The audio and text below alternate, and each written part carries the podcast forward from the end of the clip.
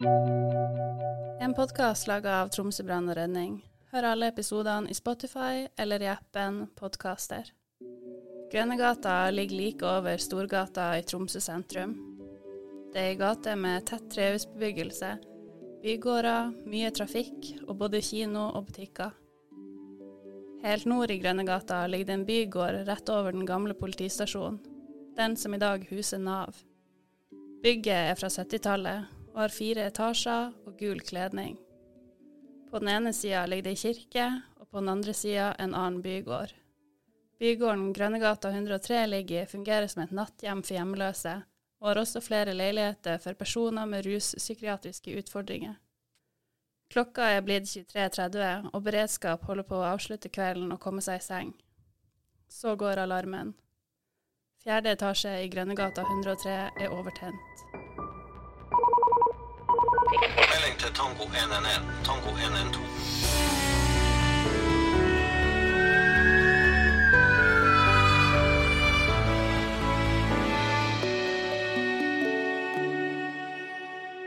Jeg heter Linn Ramona Pettersen og er kommunikasjonsrådgiver i Tromsø brann og redning. Jeg er ikke gravejournalist, men alltid interessert meg for historiefortelling. Dette er podkasten 'Når asken har lagt seg' av brannvesenet. I denne historien skal vi fortelle deg om Per. Han er en 29 år gammel mann som i 2019 bor i Grønnegata 103. Per har problemer både med rus og psykiatri, ifølge dommen som senere blir gitt i Nord-Troms tingrett. Per er ikke hans egentlige navn, men et navn vi har gitt han for å kunne fortelle deg om hvordan rus og psykiatri kan oppleves for omgivelsene. 110-sentralen mottar det vi i brannen kaller en ABA. Det er en forkortelse for automatisk brannalarm, og kommer fra alarmsentraler som detekter røyk. I Tromsø kjører vi gjennomsnittlig på i overkant av 900 ABA i året, og som regel er det teknisk feil på anlegget, matlaging, dusjing, eller noe så enkelt som feil montering. Denne dagen viser det seg at en høyst reell automatisk brannalarm. Roy Sarre er på jobb som utrykningsleder denne vakta, og har akkurat lagt seg. På tur ned brannstanga får de oppdatering på sambandet. Vaktlagets rolle denne dagen som andre dager er å ivareta innbyggerne i Tromsø kommune sin sikkerhet, det være seg brann, trafikkulykke, arbeidsulykke og mange, mange andre oppgaver. Eh, på denne utkjøringa, på vei i bilen, så eh, prater vi i lag. Det er en positiv brann. Eh, opptatt av at alle skal ha samme felles rolleforståelse og situasjonsforståelse. Toget som kjører av gårde på denne hendelsen, med tanke på hvordan bygg det er, det er både begge brannbilene, tankbil og høydemateriell lift, som vi kaller det for. Det er pga. beskaffenheten til bygget, beboerne der og faren for brannspredning til nærliggende bygg. Eh, når vi kommer frem på en sånn hendelse, så avgir vi noe som heter vindusmelding. Grunnen til at vi avgir ei vindusmelding, det er for at sånne her hendelser trippelvarsles, og vi er mange enheter på tur til eh, adressen. Vindusmelding gis av første enhet på stedet, om det er ambulanse, politi eller brann. Vindusmeldinga i dette tilfellet var at det var en fullt utvikla romsbrann. Flammene sto ut av vinduet i fjerde etasje. Eh, Brannvesenet starter innsats.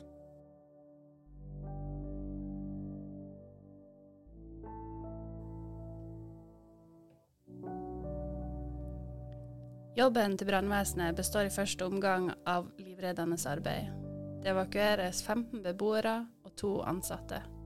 I dette tilfellet så er det jo en spesiell plass med folk med spesielle behov som ikke bestandig trenger å oppføre seg som den vanlige familiemedlem i et hus.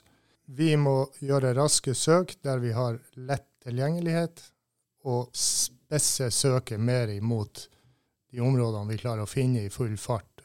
Og vi må gjøre både søk og slokking samtidig når en brann er kommet så langt som det her. Generelt så tar søk litt tid, vi må være nøye, men vi starter med det som kalles for et grovsøk etter mennesker, der vi ser Til å begynne med, mens vi trenger inn, så er farta rimelig høy på søk. Etter hvert som grovsøk er gjennomført, så starter vi på et, mer fint søk, og det tar tid. Og i sånne her hendelser så ligger jo røyken ganske langt ned mot gulvet. Så i verste fall, og i denne hendelsen, så må vi avsøke rom for rom og korridor for korridor, og alle, ja, alle tilgjengelige rom på kne. Vi må rett og slett krype. Eh, evakueringsarbeid varierer jo. Det, I et sånt her bygg så har vi jo ansatte som gjør en jobb eh, før vi kommer, mens vi er underveis, og noen gang etter vi er kommet. Alt etter hvor stort objektet er. I dette tilfellet så var det noen som ikke hadde klart å evakuere seg sjøl, og da blir det jo selvfølgelig vår jobb med det rette verneutstyret, som de ansatte ikke har sjans å hente ut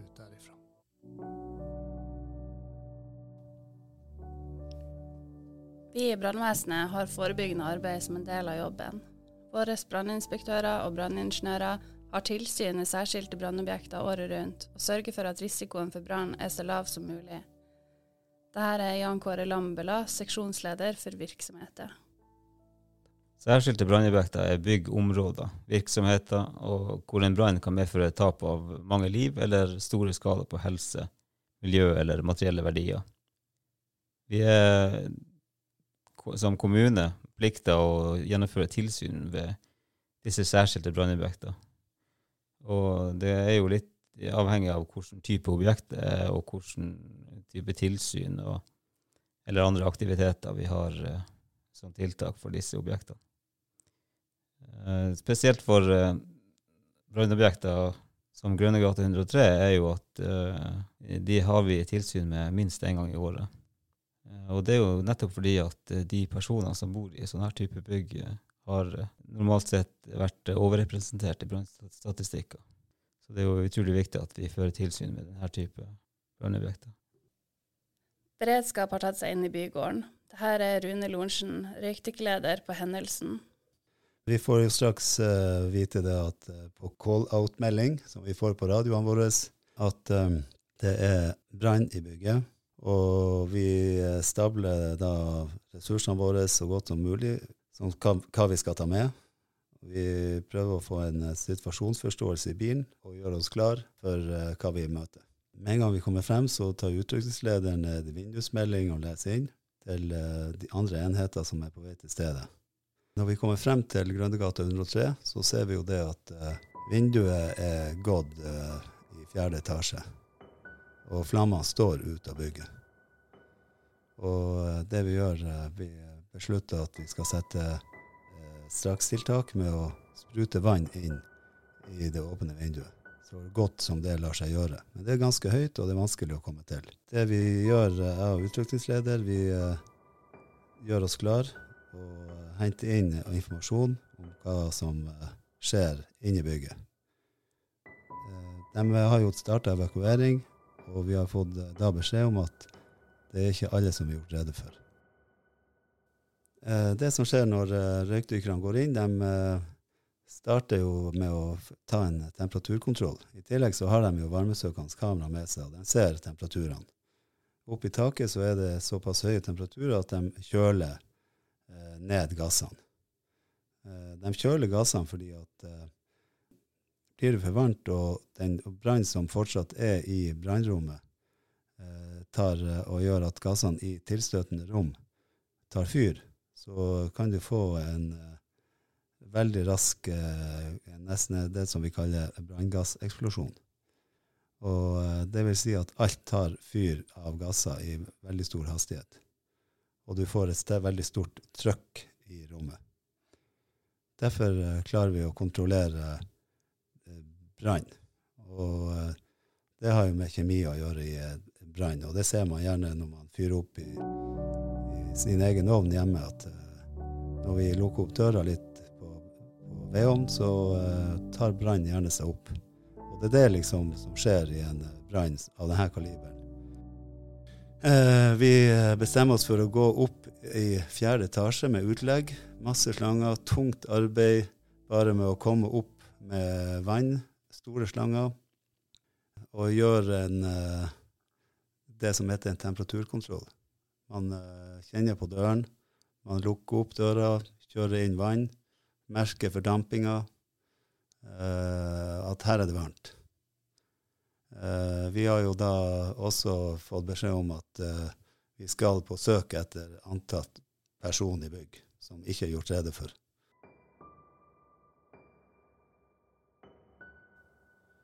Så vi eh, sender røykdykkerne. Eh, heldigvis eh, så står jo vi, vi står jo i et røykfritt miljø i eh, trappeoppsatsen. Stort sett i sånne trappesatser så er det røykventilasjon. Så vi, eh, vi står egentlig ganske trygt der og har ikke noe problem med å puste uten pusteluft. Men når vi begynner å lukke opp døra og skal eh, gi han litt kjøling i røyken, så vil det jo trekke ut, og da blir det fort ubehagelig. Men uh, røykdykkerne blir sendt inn. Uh, de må krype på gulvet innover. Uh, veldig tett, svart røyk. Temperaturen er såpass høy at uh, de røykdykkerne som var på jobb den dagen, de, de kjente det. Når vi snakker om temperaturer på en sånn brann nede med gulvet, så er det jo der det kalles det. Derfor kryper man jo på en brann.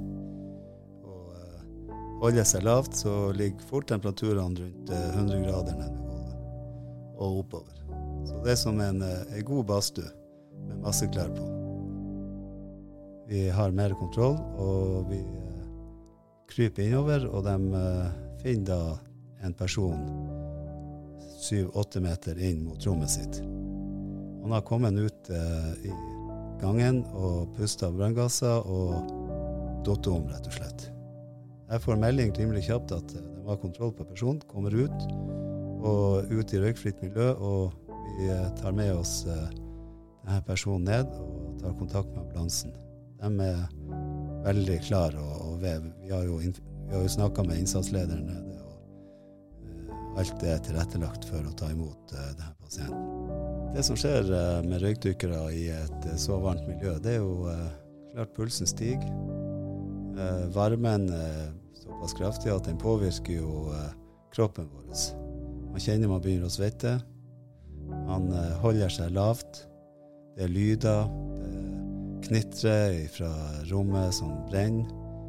Eh, gjerne det kanskje dotter ned ei lampe som henger eh, løst i lufta. Det kan være litt arbeid på stedet, at det henger ledninger som da er smelta ned, og du kan surre deg fast i. Så man må hele tida ha kontroll, og sikkerheten er det som er viktigst. Og spesielt sikring, sik vår egen sikkerhet. Eh, vi skal ikke miste noen eh, i en hendelse av denne kaliberen. Eh, selv om vi er ivrige og vil, og vil det beste for alle, så skal vi ikke ofre et liv for å slokke en brann. Hele øverste etasje er utbrent, og brannvesenet har vært inne og berga ut tre personer. Totalt ble seks stykker behandla for røykskader etter brann, to av de med alvorlige røykskader. En av de her bodde på nabohybelen til Per og kom seg ikke ut i tide. Mannen ble funnet liggende på gulvet i den røykfylte korridoren utenfor leiligheta. Han var innlagt på sykehus i tre dager etter brannen, ifølge tiltalen som senere ble gitt. Om brannen ikke hadde blitt oppdaga i tide, er det nærliggende å tro at det hadde vært flere som ville omkommet i brann. Både røyk og brann spredde seg raskt. Dette er Roy Sarre igjen. En av oppgavene til brannvesenet er å ha tilgang til bygg. Bygg som har avtale med brannvesenet, har såkalte nøkkelseifer. Eh, Mange av de byggene her har ikke det vi kaller for en enernøkkel, en masterkey eller en elektronisk brikke. Det er forholdsvis gamle bygg der lås er blitt skifta pga. slitasje, hærverk og alt mulig rart, som fører til at nøkkelboksen ofte blir mer og mer full av nøkler. Eh, kanskje nøkler som ikke lenger passer, som er glemt å ta ut derifra. Eh, det gjør jo at vi mange ganger har ei utfordring med å bruke vanlige lås og nøkler i bygg. Dette er jo en ting vi kjører service på årlig, og det er en stor oppgave for brannvesenet. Og det tar veldig mye tid og er veldig mye jobb. Alle sånne hendelser er bestandig litt spennende med tanke på nøkler. Eh, ofte klarer vi å låse oss inn med det at det er årlige kontroller på de her tingene, men det er dessverre ikke sånn bestandig overalt. Eh, da har jo vi med oss dørforseringsverktøy å bruke, men det er verktøy som krever mye kraft, og det går tid. Så det enkleste og beste for oss er jo at de nøklene som ligger i en nøkkelsafe i et bygg, passer. Det er den enkleste inngangen for oss til et objekt som brenner.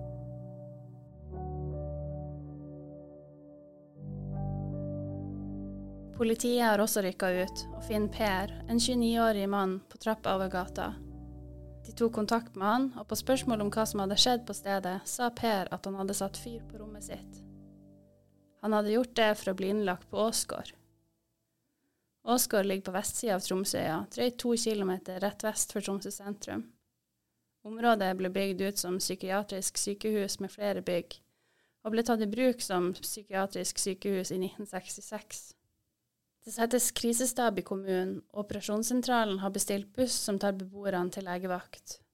Ja, når eh, vi slokker en brann i et bygg, eh, i dette tilfellet så ble brann slokt eh, veldig mye fra innsida, litt gjennom vinduet fra utsida. Vi hadde òg høydemateriell på stedet, for vi er bestandig redd for at eh, brann som foregår inne, skal gå gjennom taket på bygg. For da, da har vi en mye, mye større jobb. Så vi tar høyde for det innledningsvis. Men når en brann er slokka på den ene eller andre måten, så ventilerer jo vi byggene. Og ventilere bygg gjør vi på flere måter. Under en innsats så kan vi ventilere rom og bygg for å få bedre sikt ved hjelp av strålerørene som vi slokker brann med. Vil si at vi lager en vannparaply, en spredt stråle, og spruter ut gjennom vinduet, som gjør at røyken blir med vannet ut av rommet vi er i. Eh, nummer to er at vi, kan, vi har vifte som vi kan eh, ventilere med. Det kalles for mekanisk ventilasjon. Den kan vi sette på nede, sånn at eh, røykdykkerne inne og, og bygget i seg sjøl får en, en, kjappere tilbakevending til røykfri sone. Eh, vi kan òg bare ventilere ved åpne vinduer, sånt, men ofte bruker vi vifte for at vi vil ha det til å gå fortere. Når vi har tømt bygget for røyk, når det er utlufta, så er det langt, langt ifra beboelig. Eh, de brente massene som er inni et bygg, vil gasse veldig lenge etter en brann har pågått. Men vi vil ha ut eh, brannrøyken som vi kaller for branngasser, som faktisk er brannfarlig og kan være eksplosiv i rett blanding. Når vi har gjort det i førsteinnsats og lufta ut et bygg og brannen er slokka, så har vi en tjeneste til som heter RVR på folkemunne her, og det står for restverdiredning. Da kommer vi med atter et kjøretøy som er fylt med utstyr for å ivareta det som er igjen av verdi inni et bygg.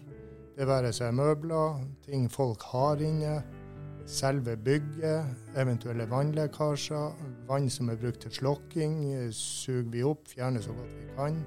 Tette vinduer med plast eller lignende, så RVR-innsats varierer fra objekt til objekt.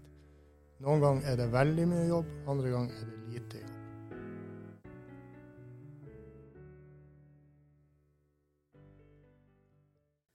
april i 2020 er saken oppe i retten. Per, den tiltalte 29-åringen, fortalte at motivasjonen for å starte brann var at han ikke fikk penger, og at han ville til Åsgård sykehus for å bomme tobakk. Jeg hadde ingen røyk, ingen mat, ingen rus og ingen penger. Jeg fikk verken penger, rus, mat eller tobakk. De ville ikke kjøre meg til Åsgård, sa Per under rettssaken ifølge avisa i Tromsø. Videre fortalte han ifølge avisa for retten at han trodde at betongveggene i bygget ville sørge for at ingen ble skada som følge av brannene hadde starta. Tiltalte har begått et alvorlig lovbrudd hvor menneskeliv lett kunne gått tapt, og det er en konkret og reell fare for nye alvorlige lovbrudd.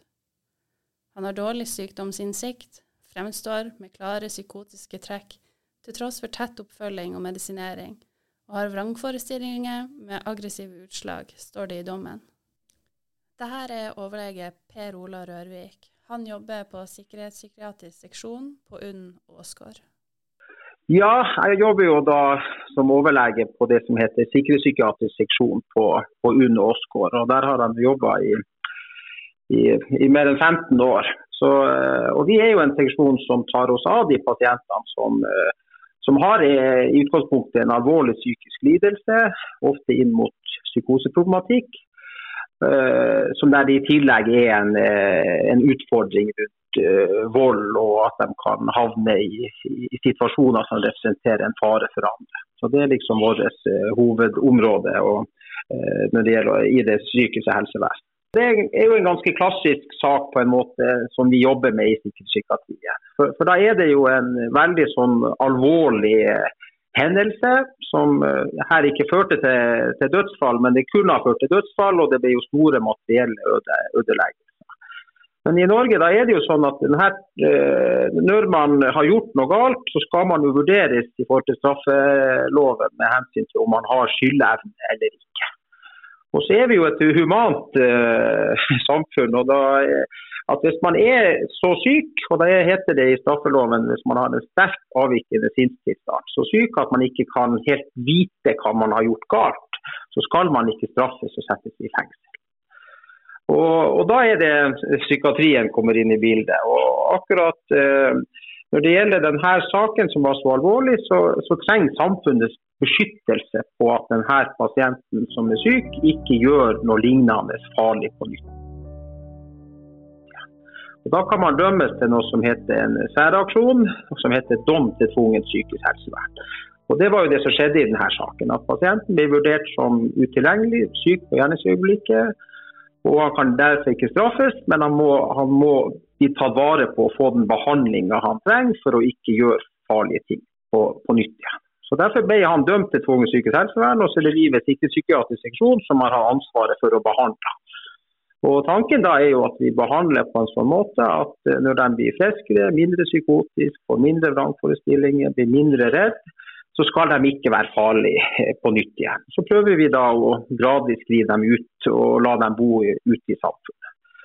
Men så, Dette kan ta mange år. Hvis de eh, ikke det er vanskelig å få dem bedre, de fortsatt er psykotiske, så tar det lang tid før vi kan skrive ut sånne her pasienter. Mens andre de eh, kan ha mye bedre effekter av samtaler og medisin og den oppfølginga vi kan. Og Hvis de da raskere blir friske og mer normalt, så kan vi raskere skrive dem ut. Og så akkurat Når det gjelder denne saken i Grønnegata, så er det en pasient som har, som har, der det har tatt litt tid. Så Vi tar fortsatt vare på ham på en sånn måte at han ikke representerer en risiko for, for andre.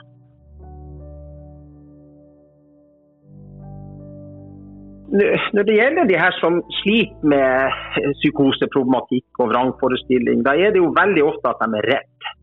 Og Da er det ofte sånne øyeblikksbilder der de blir så redde at de tenker at her må en endring til. Noe må skje for at de skal få bli trygge eller, eller få avleda det ubehaget de gjør. Og Da er det veldig ofte at de her som uh, blir dømt til tvunget psykisk helsevern, gjør desperate handlinger. Ikke for at de er ondsinna eller at de ønsker å gjøre uh, urett, men, men, at de bare må gjøre noe drastisk for å sikre seg at den ubehaget de har innvendig, blir uh, på en måte Det oppstår i forandring. Så, så, jeg tror at det er fullt sannsynlig at i denne saken så, så, opplevde han at han var så utrygg og redd der han var, at han måtte gjøre noe som han var sikker på kunne medføre en forandring. Og så, og så ble brannstiftelse en av de eh, desperate handlingene som sikra en forandring før det ubehaget han hadde inn. For Mitt inntrykk som har jobba i psykiatrien såpass mange år, er jo at eh, det er de færreste av de alvorlig syke syke som gjør voldelige ting, som gjør det for at de ønsker å gjøre noe ondt. Mitt inntrykk er jo at de eh, eh gjør det for at de er desperat og er veldig utrygge og, og redde. Og, Da er det jo sånn at, eh, at, hvis man ser en som sliter eller en som er veldig rusa, så det er å faktisk eh, oppsøke dem, prøve å snakke med dem, bli litt trygg på hva er det de plages med. Og Hvis det viser seg at de er blitt så plaga og rusa at de er direkte vrangforestilt og paranoid og redd, så er jo det å prøve å hjelpe eh, dem til å komme i kontakt med helsevesenet, som ikke blir gående alene. For, for det å gå syk, vrangforestilt, eh, over tid alene, da blir de mer og mer desperate. Så, så, så, dette er jo et spørsmål om å klare å hjelpe de som er dårligst på et tidlig tidspunkt, så de slipper å bli så redde at det skjer farlige ting. Så det å komme i kontakt med dem, prøve å hjelpe dem i gang med å få omsorg og hjelp. Og, og hvis man ser at de bor en plass der de ikke virker å ha evne til å, å klare seg alene, så er det jo snakk om å koble på hjelpeinstansene som da kan prøve å bistå med å, å få dem inn i et system som, eh, så de blir bedre ivaretatt. Så, så jeg tror det er en veldig viktig tematikk. det her. De som jobber i psykiatrien, de opplever jo at, at samfunnet nå eh, eh, At det går lang tid før noen av de her som er dårligst, får litt eh, omfattende hjelp over tid. At det er egentlig litt samfunnsproblem at vi sliter med å, å hjelpe de, eh, de psykisk. Og, og at, man, at, man, overlater dem ganske mye til seg sjøl, og, og, og, da vil de gradvis eh, så, så, så, det ligger jo mellom linjene her at jeg håper jo egentlig at, at, at, det blir noe mer ressurser til å hjelpe de her som plages. Og, kan, og det er, vil være lønnsomt også i et samfunnsperspektiv å hjelpe dem før de faktisk har gjort noe, så at de må bli dømt til tvungent psykisk helsevern. Jo at, at, samfunnet tar denne utfordringa på alvor og, og, prøver å hjelpe de her pasientene. Eh, gi dem god hjelp før de blir så dårlige at de gjør farlige ting.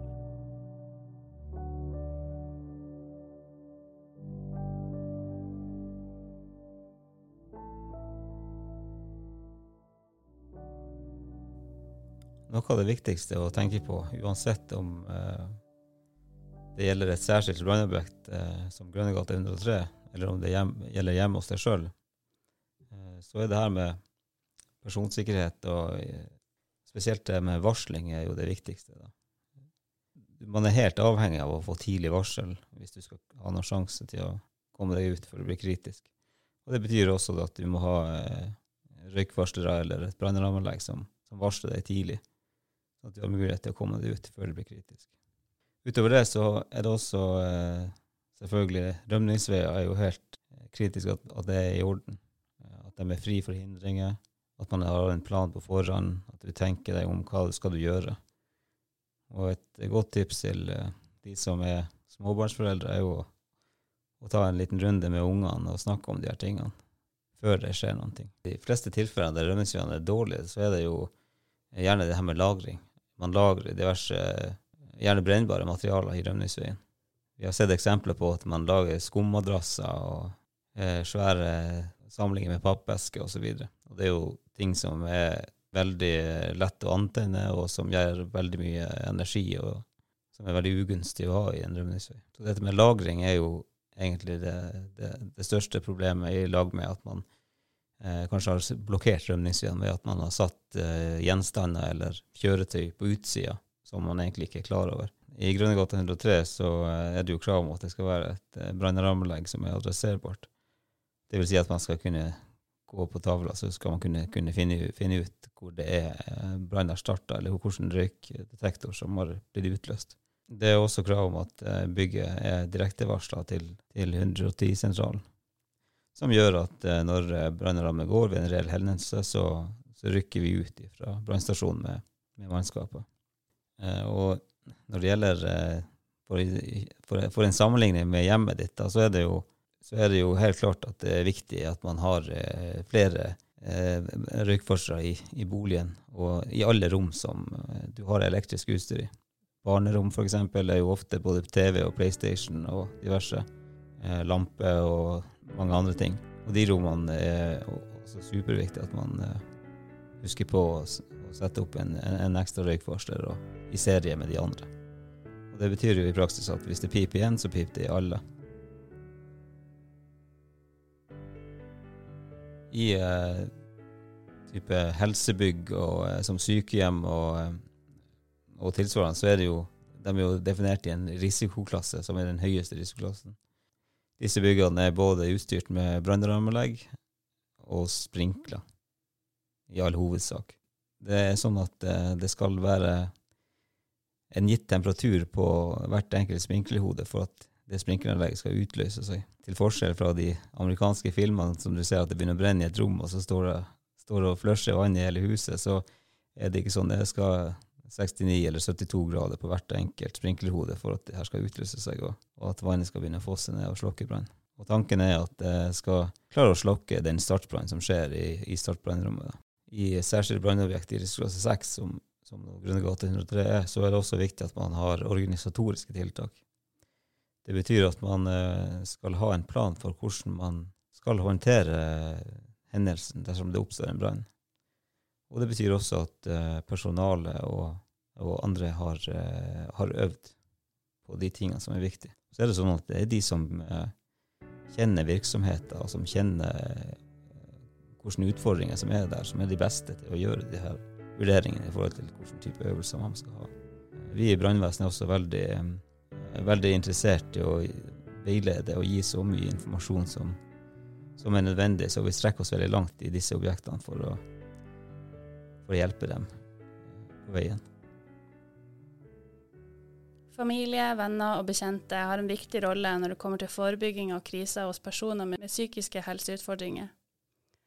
Først og fremst handler det om å opprettholde åpen kommunikasjon. Det innebærer å lytte aktivt når den som sliter ønsker å dele tanker og følelser. På den måten kan vi kanskje identifisere advarselssignaler og behov for støtte tidlig. Har du spørsmål eller trenger noen å snakke med, ring hjelpetelefonen på 116 123. Opplever du at det er en fare for at du kommer til å skade deg sjøl eller ta livet ditt, skal du alltid ringe politiet. Nødetaten vil hjelpe deg i en akutt situasjon og bistå deg sånn at du får hjelp videre. Vi har jo etter hvert fått erfaring, vi erfaringsutveksler jo med både helse og politi.